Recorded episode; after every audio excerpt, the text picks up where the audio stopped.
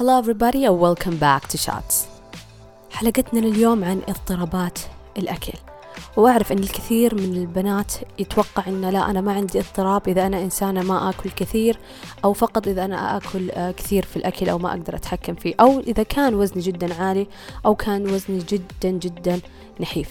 ولكن موضوع اضطرابات الأكل موضوع جدا عميق. الأكل مرتبط فينا في كل حاجة في حياتنا في شخصيتنا في صحة جسمنا وأمراضنا في تحسين جودة حياتنا حتى في تعاملنا مع البشر. تبغين تحسنين شعرك؟ شوفي إيش تاكلي. تبغين تحسنين من ذاكرتك؟ شوفي إيش تاكلي. تبغين تحسنين أو تعالجين. مو عندك مثلا مشكلة في الهرمونات مشكلة هضمية مشكلة عضوية في منطقة معينة تحتاج تراجعي إيش تاكلي. حتى في العلاج النفسي يتم فيها تركيز على تغذية الشخص. أيضا حتى ترى أسلوب إظهارنا للمحبة وإظهارنا لاهتمامنا بغيرنا في ثقافتنا معتمدة على الأكل. أحيانا نظرتنا لنفسنا أفكارنا السلبية تفكير حتى طبيعة مخنا كيف يفكر يعتمد بشكل مرة كبير على طريقة تغذيتنا. فلما تكون عندنا سلوكيات معينة أو اضطرابات معينة في الأكل فإحنا لازم نعرف إن حياتنا كلها راح تتأثر. فأنا جدا ممتنة لضيفتي لليوم لأنها تكلمت بشكل جدا تفصيلي على هذا الجانب ومتحمسة تسمعون اللقاء لأنه فعلا راح يفيدكم ويثريكم.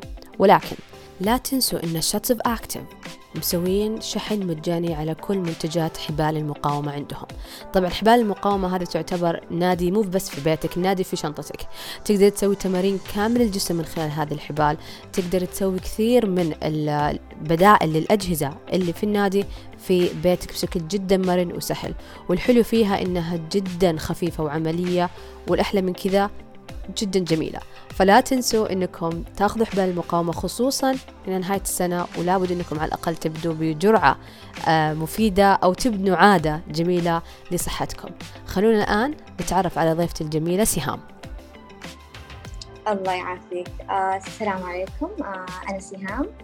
آه، أخصائية تغذية علاجية. آه وسريرية وإكلينيكية. يعني ممكن البعض يسمي أو أو آه يسمع هذا الاسم ما يعرف إنها نفس التخصص. آه طالبة ماجستير وعضوة في الرابطة الدولية آه لمتخصصي اضطرابات الأكل. آه وإن شاء الله Future Certified Eating Disorder Specialist من الرابطة الدولية لمتخصصي اضطرابات الأكل أو International Association of Eating Disorder Professionals. بس سؤال كذا لطيف قبل لا ندخل بالعميق. تحبي بيتزا ولا برجر؟ سؤال لذيذ. آه بيتزا. من الناس اللي يحطوا أناناس؟ يعني آكلها بس. مو لهالدرجة. مو هالتعقيد. يعني أيوه بس بشكل عام أحب البيتزا. بداية أنت قلتي إن في بعض الأحيان الأشخاص بياخذوا مصطلح اللي هو التغذية العلاجية أو السريرية كذا بيحسونها كأقسام مختلفة.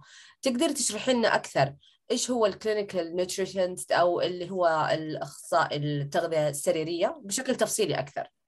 آه، تمام. آه، أقدر آه، أغير شوي المصطلح يعني ال nutritionist هذا مجال ثاني. هو آه، الأفضل آه، أو الأصح clinical clinical dietitian هذا يطلق على المتخصصة أو المتخصص الشخص نفسه. ولكن التخصص في حد ذاته اسمه clinical nutrition مختلف عن ال nutritionist اللي هو التغذية العامة. ال clinical nutrition هو تخصص الكلينيكي. مثل ما ذكرت مختلف عن التغذية العامة. مدة الدراسة في التغذية الإكلينيكية أو العلاجية أربع سنوات. فكرته أننا ندرس أمراض كثيرة مثل السكري ضغط الدم ال cancer أو السرطان وطرق علاجها التغذوي. مثل ما ذكرت مدة الدراسة أربع سنوات بالإضافة إلى سنة امتياز. في السعودية للآن ما في تخصص دقيق. يعني ممكن الشخص مثلا يتخصص في الأطفال. هذا إيش؟ هذا في مرحلة البكالوريوس. فللي حاب يتطور في مجال معين يا إما أنه يدرس الماجستير في التخصص الدقيق المرغوب فيه اللي هو حابة أو ممكن إنه ياخذ كورسات أو دورات معتمدة تمكنه من ممارسة هذا التخصص. يعني حاليا كدراسات تكون هي كتغذية عامة ما تكون فيها كثير تخصص. أيوه هذا في البكالوريوس في, في الأربع سنوات عرفتي؟ يعني إحنا دراستنا في البكالوريوس الأربع سنوات عندنا في السعودية. لا ندرس كل الأمراض ندرس السكر ندرس تغذية الأطفال ما ندرس شيء. آه، آه، بحد ذاته. وإيش الفرق ما بين الشخص اللي زي ما قلت اللي هو dietitian ولا nutritionist من هل من ناحية تخصص أكثر يلقب بدايتيشن لما يكون متخصص ولا لا؟ فيها دراسة مختلفة أكثر. آه نعم. آه كلها. من ناحية التخصص والدراسة يعني زي ما قلت لك إحنا في شوي ممارسة في آه آه في دراسة غير. يعني أقدر أقول ترتبط كثير بطرق آه، أو بأمراض أكثر من التغذية العامة. ليش اختارت سهام هذا المجال؟ أو إيش الموقف الظرف اللي خلى آه، سهام تنجذب إلى هذا المجال؟ آه، أنا بصراحة عندي حب للتغذية العلاجية نفسها. غير كذا تعاملت يعني أنا في السابق قبل ما أبدأ شغلي حاليا تعاملت مع أشخاص آه، عندهم آه، أمراض متعلقة بالتغذية سواء اضطرابات أكل أو آه، أمراض ثانية. لما بدأت بالاستشارات يعني أنا بدأتها ممكن أقدر أقول من بعد الامتياز على طول بس تركتها ورجعت لها الآن بشكل رسمي أكثر. لقيت توجه كبير خصوصا لمجال اضطرابات الأكل اللي ممكن نتكلم عنه الآن أكثر. ف اللي جذبني بعد إنه حسيت مجال اضطرابات الأكل أنا كمتخصصة في التغذية عندي مسؤولية خصوصا إن الأشخاص ممكن ما يلجؤون على طول للطبيب النفسي أو المتخصص النفسي. فأنا ممكن أكون زي ما تقولين علامة أولى إني أوجه الشخص وأقول لا أنت هنا تحتاج آه، تروح للمتخصص يشخصك. يعني المتخصص النفسي هو وظيفته آه، التشخيص عشان أنا أقدر آه، أساعدك. غير كذا اضطرابات الأكل ممكن الأشخاص ما يتكلمون فيه ما يتجهون يتعالجون ما يروحون عشان يتشخصون. فتحسينا اضطراب أو حالة كثير ما يتكلمون عنها. يعني تحسين سايلنت خلاص الكل ما في أي أي كأنه تابوت كذا ما حد أيوة. يعني ممكن هو يكون في شوي تقصير من ناحية المختصين هذا ما أقول وممكن لأن ما في أحد يتكلم عنه. فيعني لما بديت أتكلم عنه لا حسيت إنه في فعلا أشخاص عندهم هذا الشيء. بس حلو زي ما قلتي إنه أنا كأخصائية تغذية أقدر أكون كخطوة الأولى في تشخيص بعض الإشكاليات مع الأكل. إيه، كمتخصصة أنا أقدر أوجه.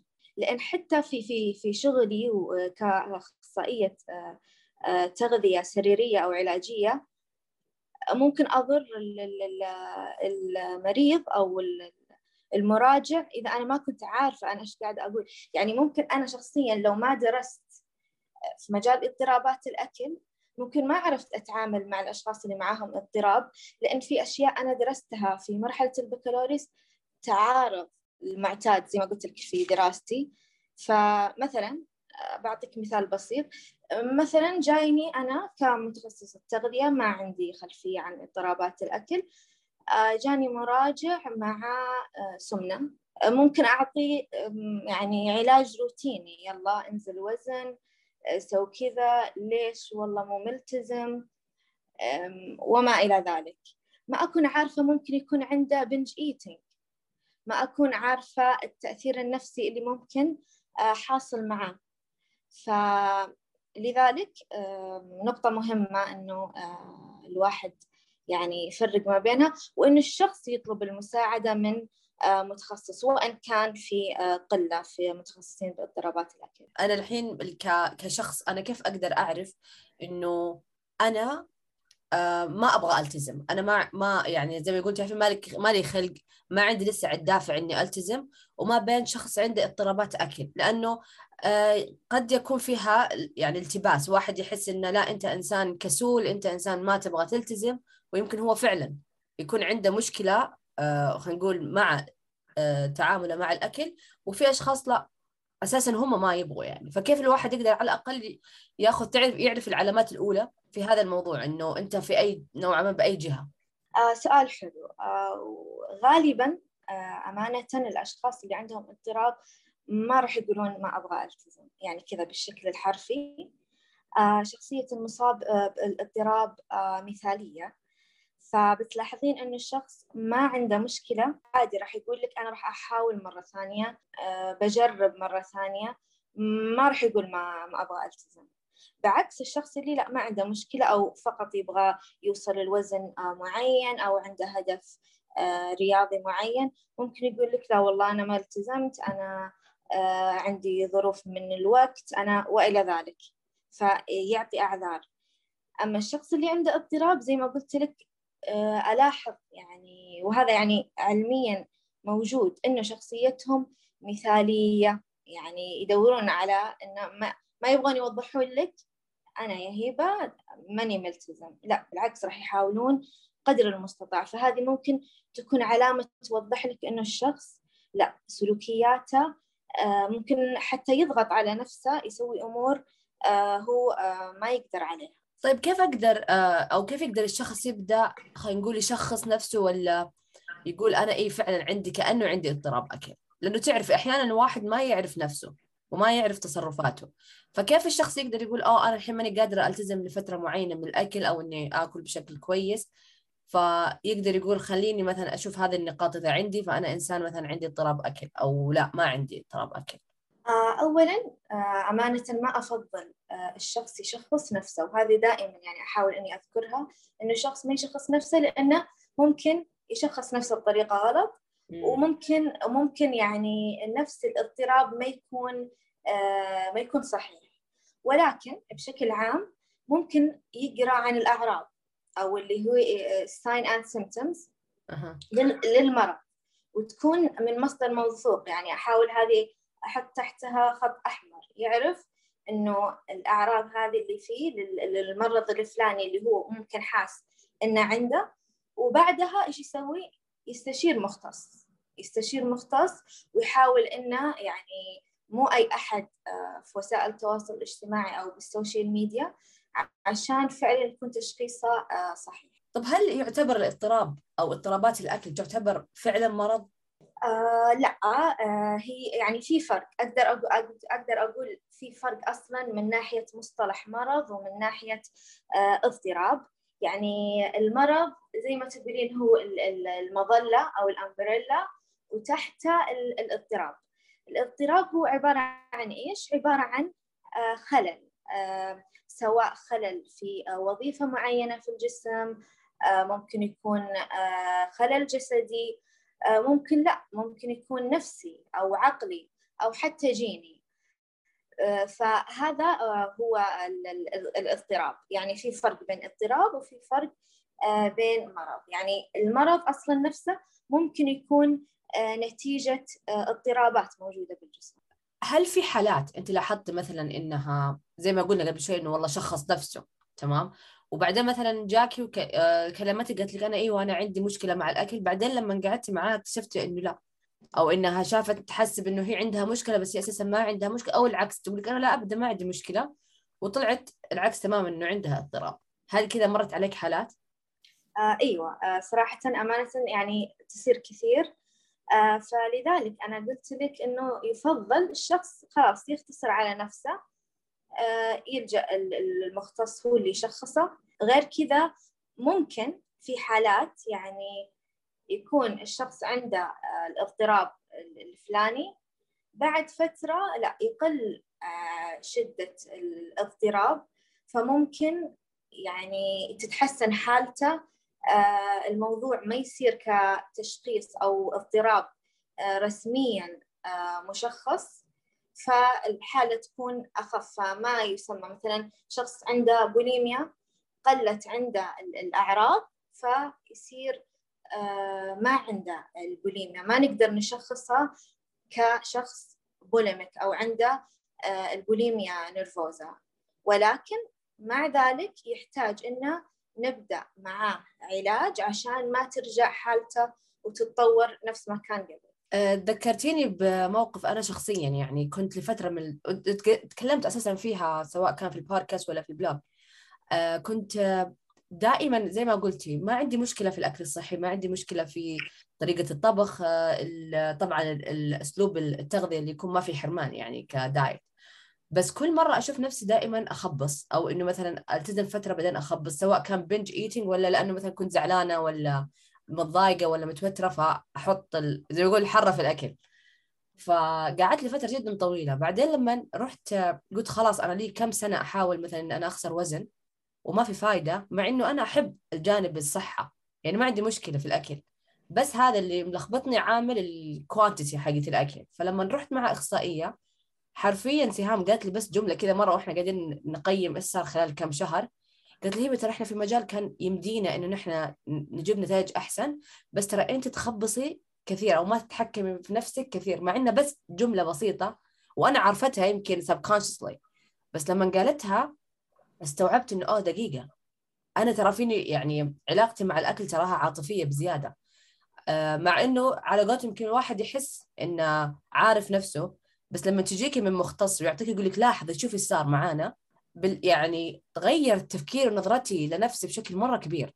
فدائما زي ما قلتي أنا أنصح صراحة إن الواحد لا يقعد يضيع أربع خمس ست سبع سنين وهو متخبط وآخر شيء احتمال لو أنت رحت عند مختص يعني مثلا زي الان مع سهام. تروحي عندها تقول لك ترى انت واحد اثنين ثلاثة. فعلا وكثير هذا التعليق اللي صار معك كثير يصير معه يعني ممكن الشخص خصوصا اللي معاهم اضطرابات أكل هم عارفين كل الأمور عارفين إيش ممكن يسوون ولكن يحتاجون متابعة يحتاجون أحد يدلهم يحتاجون أحد يقول أوكي أنا أعطيك الصلاحية تسوي كذا. أنا أتابع معك. يبغون أحد يبغون أحد خلاص يدلهم ويوجههم عشان هم نفسهم يرتاحون. طيب كلمينا أكثر عن آه، أنواع الاضطرابات الأكل. أو إيش هي؟ هل هي نوع واحد ولا لا؟ أكثر من نوع وأعطينا أمثلة عليها. آه، تمام. آه، حلو السؤال. آه، من ناحية أنواع اضطرابات الأكل آخر آه، دليل التشخيصي والاحصائي للاضطرابات النفسية آه، اللي هو دي اس ام 5 الإصدار الخامس. هذا إيش؟ هذا عبارة عن دليل يستخدمونه الأخصائيين النفسيين عشان يشخصون الأشخاص بنوع الاضطراب آه، آه، الفلاني اللي آه، ممكن يواجه الشخص. مثلا زي عندك اللي هو ال binge eating أو الأكل القهري أو ال binge هذا ما كان يعني تشخيص أو اضطراب مصنف لوحده بشكل مفرد مثل ال anorexia وال bulimia. بس في آخر إصدار لا خلاص صار تصنيف وتشخيص آه، في آه، يعني منفرد ما هو مع آه، اضطرابات ثانية. فكل دليل يصير فيه تحديث وعشان يكون التشخيص أفضل من ناحية الأشخاص ويتم تشخيصهم بشكل دقيق قدر الإمكان. الدليل هذا اللي هو الإصدار الخامس كان في 2013 وممكن بعد فترة يكون في تحديث ثاني. الحين ندخل على الأنواع اللي ذكرت في هذا الدليل. أول شيء عندنا راح أقوله كمصطلح عربي وأجنبي. أول شيء اللي هو فقدان الشهية العصبي أو ال anorexia آه، nervosa. ال anorexia nervosa ممكن آه، البعض ما يعرفه هو الأشخاص يعانون من آه، انخفاض في الوزن. يعني هذه أول علامة ممكن نلاحظها على الأشخاص اللي معاهم ال anorexia nervosa. يخافون من زيادة الوزن ممكن يكون عندهم خوف من نفس الأكل أو نوعية الأكل أو بعض الأنواع مثل ال carb مثل السكر الدهون وهذه الأمور. فهذا أول نوع اللي هو فقدان الشهية العصبية النوع الثاني اللي هو الشره العصبي أو ال bulimia nervosa البوليميا نرفوزا الأشخاص آه، اللي يعانون آه، منه آه، أول يعني علامة أو مشكلة تواجههم إنهم يحسون بالذنب بعد الأكل فيلجؤون للسلوكيات التعويضية مثل إيش؟ مثل الاستفراغ ممكن يستخدمون مدرات للبول أو مسهلات وانتي والسامعين بكرامة أو ممكن إنهم يلجؤون للرياضة يسوون رياضة بشكل جدا شديد ممكن ساعات عشان يعني يعوضون كمية الأكل أو آه، السعرات الحرارية اللي استهلكوها. آه، ثالث نوع اللي هو الأكل القهري أو البنجي أو اللي هو البنج eating disorder. يعني هذا الترجمة الأفضل من ممكن نسمع الأكل بنهم بس آه، كترجمة آه، يعني أقدر أقول علمية أكثر هو يطلق عليه الأكل القهري أو ال binge. آه، ال binge eating أو الأكل القهري هو يشبه ال bulimia nervosa ولكن ما في السلوكيات التعويضية اللي ذكرتها لك. يعني ما في استفراغ ما في استخدام اللي هو الرياضة. ممكن حتى الشخص بطل أو وقف آه، ممارسة الرياضة. فهذا هو الأكل القهري آه، النوع الرابع اللي هو اضطرابات التغذية أو الأكل الأخرى المحددة أو اللي هو ال other specified feeding or eating disorder. هذا المصطلح أو التصنيف يستخدم في حالة يعني زي اللي ما زي اللي قلت لك لما كان البنج eating. أو الأكل القهري كان يصنف ضمن هذا آه، التشخيص. وفكرته إنه ممكن الشخص معاه آه، anorexia ممكن معاه بوليميا ممكن معاه binge آه، eating ولكن مو كل الأعراض okay أو مدى شدة الأعراض ما هي موجودة في الشخص. فالخطورة ما هي عالية فيتم تشخيصه ضمن هذا التصنيف أو ضمن هذا الاضطراب. النوع الخامس اضطراب تجنب أو تقييد آه، تناول الطعام. ممكن هذا يواجه آه، غالبا الأشخاص آه، الصغار في العمر أو الأطفال. أقدر أقول ما له علاقة بالوزن أو الخوف من الوزن. هي غالبا تنطبق على السلوكيات نفسها. بعد كذا عندنا نوع البايكا ممكن نستخدم آه، البايكا بعد آه، في مصطلح لما المرأة تتوحم فهذا ممكن يكون شبيه ولكن مختلف في آه، سياق اضطرابات الأكل. البايكا هو أن الشخص يلجأ الأكل مواد غير غذائية. تمام؟ على مدى ممكن شهر واحد أقل شيء شهر واحد يستمر معه. يعني ياكل أي شيء ممكن ياكل ثلج ممكن ياكل آه، أشياء غريبة. فهذا هو آه، ال pica آه، بعد كذا عندنا باقي نوعين اللي هو الاضطراب الاجتراري أو ال rumination disorder هذا إن الشخص ياكل الأكل بعدين يعني يسوي عملية ارتجاع. طيب ما يعني فقط مجرد يمضغ الطعام وبعده يستفرغه أو آه، يطلعه من من فمه. هذا بشكل آه، يعني لسه ما أكل الأكل نفسه ما أكل. أيوه بالضبط. وهو يعني هو ما هو مرتبط في مشكلة في الجهاز الهضمي ولا مشكلة آه، طبية ثانية. يعني هو خوف من الأكل فقط. نعم. هذا هو الاضطراب الاشتراري أو rumination disorder. آخر نوع اضطرابات التغذية أو الأكل الغير محددة. اللي قبل قلنا محددة. هذا لا غير محددة. يعني للآن آه، ما في يعني آه، نوعية محددة قدروا أنهم يصنفون الشخص في نوعية اضطراب من الاضطرابات اللي ذكرتها آه، سابقا. فهذه باختصار الأنواع تقريبا ثمانية اللي هي فقدان الشهية العصبي أو ال anorexia nervosa الشره العصبي أو ال bulimia nervosa الأكل القهري أو ال binge eating disorder اضطرابات التغذية أو الأكل الأخرى المحددة أو ال other specified feeding or eating disorder. آه، واضطراب تجنب أو تقييد تناول الطعام أو ال unspecified feeding or eating disorder أو ال ARFID هذا الاختصار. بعد كذا ال pica آه، والاضطراب الاجتراري أو ال rumination disorder وأخيرا اضطراب التغذية أو الأكل الغير محدد أو ال unspecified feeding or eating disorder. أنا حاولت أقول لك مع المصطلح لأن أوقات الأشخاص يعني ما ألومهم إذا هم ما عندهم خلفية أكيد راح يتلخبطون. ممكن يتلخبطون ما بين إيش الشراه إيش البوليميا يحسبونها أنواع مختلفة. صحيح. وفي أحيانا زي ما قلت تحسين قريبين من بعض بس فيهم علامات متشابهة بس مختلفة. زي ما ذكرتي. طب كوننا كمجتمع خلينا نقول عربي أو أنت تعاملتي مع يعني بنات عربيات بشكل كبير. أنا ما أعرف إذا أنت تعاملتي أيضا مع أجانب بس بشكل عام إحنا كمجتمع عربي لأنه يمكن نختلف شوي كطبيعة البيئة عندنا عن المجتمعات الثانية إيش أكثر الاضطرابات اللي موجودة عندنا؟ أو الأكثر انتشارا أو يعني دارجة ما بين البنات؟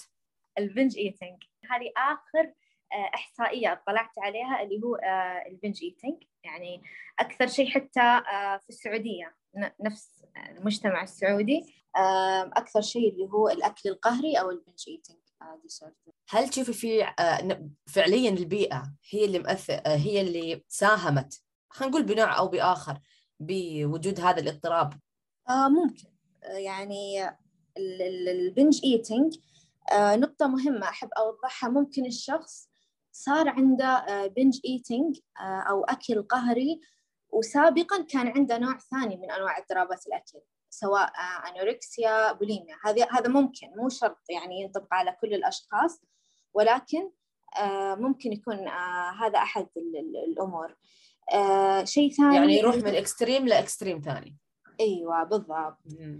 وممكن لا كان متبع مثلا أو التاريخ للشخص يا أما حرمان diet أو نظام أو حمية غذائية جدا قليلة بالسعرات رياضة شديدة.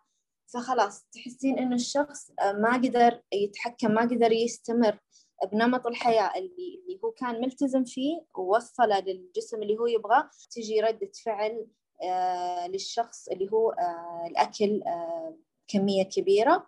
وبعد ذلك آه الأكل القهري أو البنج إيتينج. هل يقدر يكون الاضطراب وراثي؟ آه نعم.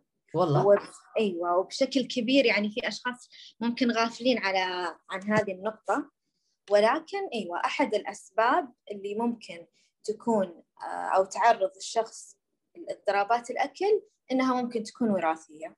آه ممكن الشخص ما يعرف أو يقول والله أنا ما عندي أحد مصاب. ممكن المصاب ما كان يعرف أصلا عن الاضطراب وما يعني ما استشار أي مختص آه، فلذلك الشخص ما يكون آه، واعي إن أحد أو يمكن طبيعة حياته أو نظرة يعني سلوكياته ما ما آذته عشان إنه يستوعب إنه في مشكلة. صحيح. وممكن تكون تكون شدة الاضطراب مختلفة للشخص اللي القريب له أو اللي من عائلته. فلذلك ما أتكلم عن آه، فالإجابة أيوة ممكن يكون وراثي. طيب إذا إحنا قاعدين نتكلم يعني حلقة اليوم لأنه فعليا أنا أبغى أي أحد يسمعنا فعليا إن لجوءك لمختص يعني ما هو رفاهية ما هو فقط تعرفين الأحيان البعض آه، لجوء لأخصائي سواء تغذية أو مدرب أو أي أي مساعدة أخرى يشوفها من اللكجري أكثر. أيوة. آه فعلا حابة إن شوية نسوي شفت لهذا الموضوع إنه لا فعلا مهما في أي مستوى أنت كنتي لا روحي لأخصائي على الأقل كمعاينة فقط فقط كاستشارة.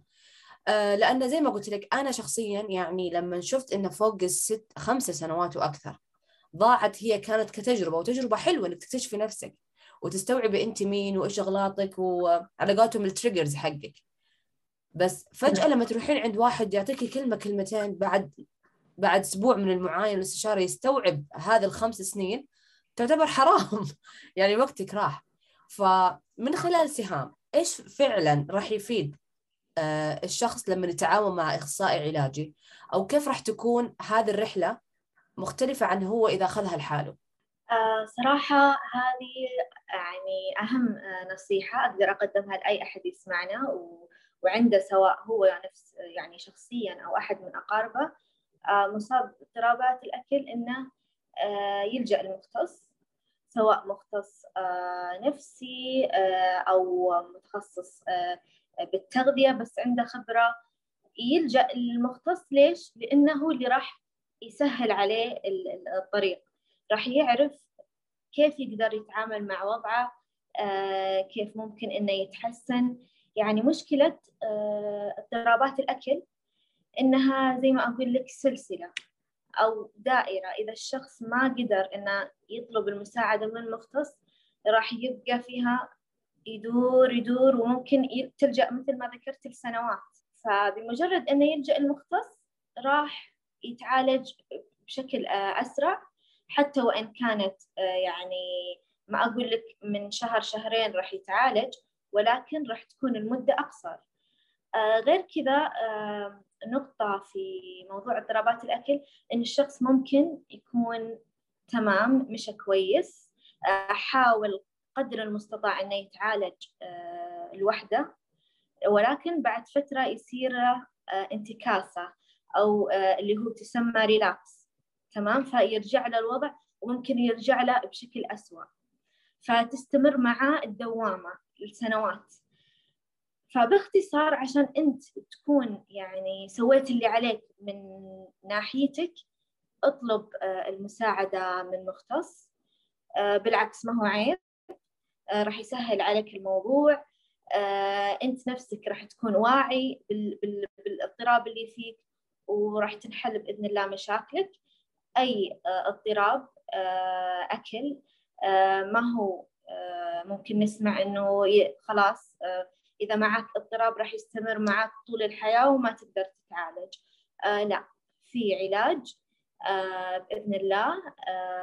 لذلك متى ما كان حتى لو كان كنت يعني في بداية الاضطراب مو لازم توصل لوزن معين أو الأعراض معينة عشان تكون خلاص أنت آه، تقدر آه، تتعالج.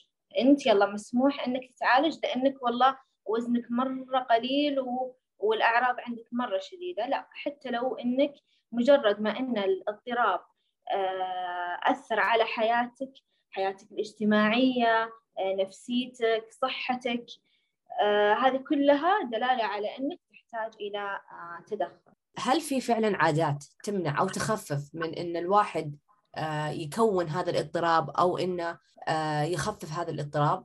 آه، أمانة ما في ما أقدر يعني أقول والله في هذا الخطوة وهذا هذا هذا ليش؟ لأنه يختلف أولا يختلف من شخص إلى شخص. الاضطراب نفسه مختلف. ما أقدر أعممه بشكل عام. وغير كذا تاريخ الشخص نفسه. تاريخها ممكن يختلف عن الشخص الثاني. آه، فلذلك ما في يعني نقاط معينة أقدر أذكرها. ولكن الشخص الأعراض اللي هي فيه مثلا أقدر أقول آه، البنج ايتنج أو الأكل القهري. إذا هو بسبب تاريخه السابق باتباع حميات جدا قليلة بالسعرات أول خطوة ممكن تساعده إنه يشوف آه، موضوع الأكل. هذه أول خطوة آه، ما أحصرها لأنه ممكن تكون في مشاكل ثانية أدت لهذا الموضوع.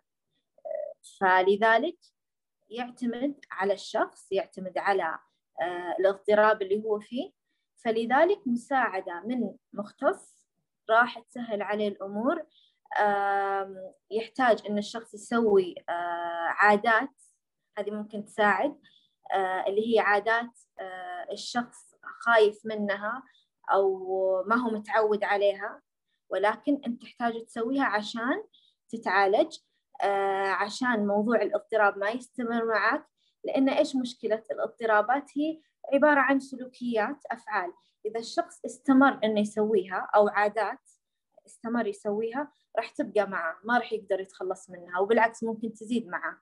فحط في بالك آه، أنت الشخص اللي تسمعني وممكن مصاب بالإضطراب راح يكون في خوف راح آه، يعني تطلع من من آه، العادات اللي أنت خلاص كنت مرتاح عليها تسويها ومعاك الاضطراب راح تواجه ممكن صعوبة فلذلك حاول أنك قد ما تقدر اطلب المساعدة من مختص ومو يعني مساعدة ما هو كذا في السوشيال ميديا لا خذ الموضوع جدي اطلب المساعدة عشان فعلا المختص نفسه يقدر آه، إنه يساعدك آه، بهذا الموضوع. إيش يقدر الشخص يسوي قبل لا يروح لأخصائي العلاجي بحيث إنه يساعد الأخصائي العلاجي كمان؟ آه سؤال حلو جدا. آه أول شيء آه طبعا من ناحية اللي هو بيانات وهذه الأمور أنا شخصيا كسهام أوفر استبيان خاص آه باضطرابات الأكل. تمام؟ هذا هو من ناحية بيانات. ولكن بشكل عام لأي أحد سواء بيشترك معاي سواء مع غيري لازم يكون صريح. هذه أهم نقطة أقدر أقولها. يكون صريح يعني يجاوب يعني بشكل دقيق عن حالته عشان المختص يقدر إنه فعلا يساعده ويعرف عنه أكثر. ما يقول لا أنا والله فيني اضطراب أو ممكن أسوي سلوك معين ما أحد يعرفه. لا خلاص ما ما راح أذكره. لا بالعكس خصوصا في مجال اضطرابات الأكل. يعني ممكن أحد آه لو مو مختص ثاني ممكن ما يعرف هذه السلوكيات. ولكن أنا شخصيا كسهام واجهت سلوكيات مختلفة في مجال اضطرابات الأكل. فالشخص لا يخجل إنه يتكلم على عن الأمور اللي تواجهه. الأعراض اللي تواجهه العادات أو الممارسات اللي هي هو يسويها آه، بالعكس يذكرها بشكل صريح. آه، عشان مثل ما قلت المختص يقدر يساعده من ناحية الاضطراب. يعني أنا في أشخاص من بدايتهم هذا طبيعي مثل ما أنت ذكرتي في البداية ما يكون مع ما يكونون معي صريحين. بس بعد فترة لا يشوفون أوه آه والله المختصة عرفت المشكلة الفلانية أو لاحظت الشيء الفلاني. كشفتني أيوة فخلاص هم ما يعرفون إنه لا أو يطمنون إنه آه يذكرونها لي. فمع الوقت آه ممكن إن الشخص يبدأ يتكلم. ولكن قدر المستطاع يحاول إنه يكون صحيح على الأقل أقدر أقول ممكن 75% من بياناته تكون آه، فعلية كم فعليا يعني خلينا نقول كمتوسط المدة اللي ياخذها الشخص عشان نقدر نقول آه، يقدر نوعا ما آه، يتحسن أو يتحسن طبيعة اضطرابه يعني أنا أعرف يعني من الآن إنه يعني شهر هذا ما هي ما هي كفيلة بإن الواحد يتغير. صراحة السؤال شوي تركي لأن اللي بي... اللي راح يسمعون راح يحطون في بالهم. أوه لا ممكن يحطون في بالهم المدة طويلة وممكن يحطون في بالهم المدة قصيرة. ولكن أيوة ولكن مثل ما ذكرتي المتوسط آه ما راح تكون أقل من ثلاث شهور. يعني أيوة غالبا أبدأ ألاحظ من ثالث إلى رابع شهر ألاحظ الشخص فعلا كذا فجأة بدأ يعني يتحسن. بدأ هو نفسه يقول ما صرت أسوي السلوكيات الفلانية. يبدأ خلاص يلاحظ يقدر يعتمد هنا على نفسه. آه، تخف الأشياء أو المتطلبات اللي أنا ممكن آه، أطلبها من الشخص إنه يسويها. فهذا هو. وطبعا يختلف من شخص إلى شخص. آه، موضوع موضوع اضطرابات الأكل أبدا ما هو من شهر واحد ولا من كم أسبوع. فلذلك يحتاج أن الشخص يستمر. آه، ممكن يواجه أيام يكون مرة كويس يعني ملتزم تمام مسوي كل أموره بشكل كويس بعدها لا يبدأ تخف آه، أو ممكن ما يقدر آه، يستمر بعدها يرجع. هذا هذا الحلو لما تكون مع مختص إنه يقدر يساعدك بإنك تستمر ما توقف. فعلا. وبعدين المدة اللي ذكرتيها ترى جدا منطقية. يعني أنت شخص لك نتكلم كم سنة أنت على هذه العقلية أو بهذا الاضطراب أو يعني بهذه الممارسات. ف يعني حتى حرام على صحتك وحرام على نفسك أنت أنك تظلمها أنك تضغط على نفسك في أسبوع أسبوعين ولا زي ما قلتي شهر أو شيء. طيب آه، كيف الواحد يقدر يشترك مع سهام أو إيش الخدمات اللي تقدمها سهام حاليا؟ آه طيب. آه بصراحة حاليا آه موقفة أنا الاشتراكات. آه ولكن من ممكن مو الشهر القادم ممكن الشهر اللي بعده آه راح يكون آه أو تكون الخدمات متوفرة على موقعي يعني بشكل رسمي. آه أنا بالسابق كنت آه فقط من خلال ال Google Form اللي هو الاستبيان الأشخاص يقدرون يشتركون معي ولكن كل الخدمات اللي راح أوفرها آه، كل اللي هو الباقات راح تكون آه، موضحة على موقعي. وطبعا قبل لا أنهي الحلقة طلبت من سهام أهم نصيحة لكل اللي يسمعنا. كلمة أخيرة. كلمة أخيرة أقدر أختصرها كلمتين اللي هي آه، أطلب المساعدة. آه، ابدا لا تحس إن الموضوع عيب أو يعني كثير أنا دائما أقول لما أنت تواجه أي مشكلة سواء في أسنانك سواء مثلا تحس بصداع وين راح تلجأ؟ راح تلجأ المختص نفس الشيء مع موضوع اضطرابات الأكل. وإن كانت في مجتمعنا للآن الوعي شوي ممكن حتى الأهل آه، ما يساعدون آه، ولكن حاول إنك تطلب المساعدة. حاول ما تخلي الموضوع يوصل لمرحلة متقدمة عشان تكون أنت تستحق آه، العلاج. لا بالعكس أنت تستحق العلاج حتى ولو يعني شدة مرضك ما هي خطيرة. آه فهذه آه هذه الكلمة الأخيرة اللي حابة أوضحها. شكرا لك سهام. فعلا يعني أثريتينا في اللقاء. بجوانب للأمانة أنا أنا أسمعك كنت كذا قاعدة علما إنه أنا أوكي مريت بهالموضوع بس فعلا لما نتكلم مع آه، شخص مختص من آه، من نظرة مختلفة تماما عن حتى كشخص هو عايش هالاضطراب جدا جدا آه، مفيدة. وزي ما قلتي ما هو عيب إنه الواحد يطلب المساعدة وبالعكس يعني أنت بتوفر على نفسك وقت طويل وتعب كثير حتى إنك ما تظلم نفسك كثير بينك وبين نفسك. يعني أنا أتكلم إنه أحيانا جتني فترات أت... يعني حتى أكون سلبية على نفسي إنه أنا إنسانة ما عندي التزام أنا واحدة ما يمديني فهمت علي؟ فعلا آه، ذكرتيني بنقطة. يعني في أشخاص معاي يتابعون معاي؟ كذا يعني مثلا آه، خفت عندهم الأعراض. آه، بدأوا يتحسنون هم ما يشوفون ما يشوفون هذا التحسن فهمتي؟ فيحتاجون أحد يقول لهم لا أنتم طيب ماشيين تمام.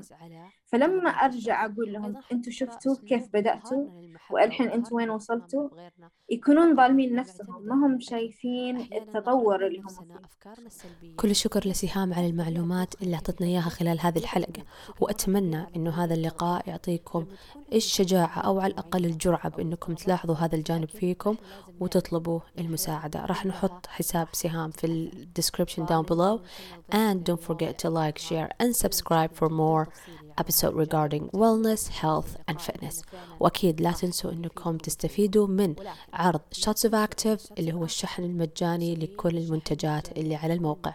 Hope you have an amazing day and see you next time. Bye bye تعتبر نادي مو بس في بيتك نادي في شنطتك. تقدر تسوي تمارين كامل الجسم من خلال هذه الحبال. تقدر تسوي كثير من البدائل للأجهزة اللي في النادي في بيتك بشكل جدا مرن وسهل والحلو فيها إنها جدا خفيفة وعملية والأحلى من كذا جدا جميلة. فلا تنسوا إنكم تاخذوا حبال المقاومة خصوصا إلى نهاية السنة ولا بد إنكم على الأقل تبدوا بجرعة آه، مفيدة أو تبنوا عادة جميلة لصحتكم. خلونا الآن نتعرف على ضيفتي الجميلة سهام.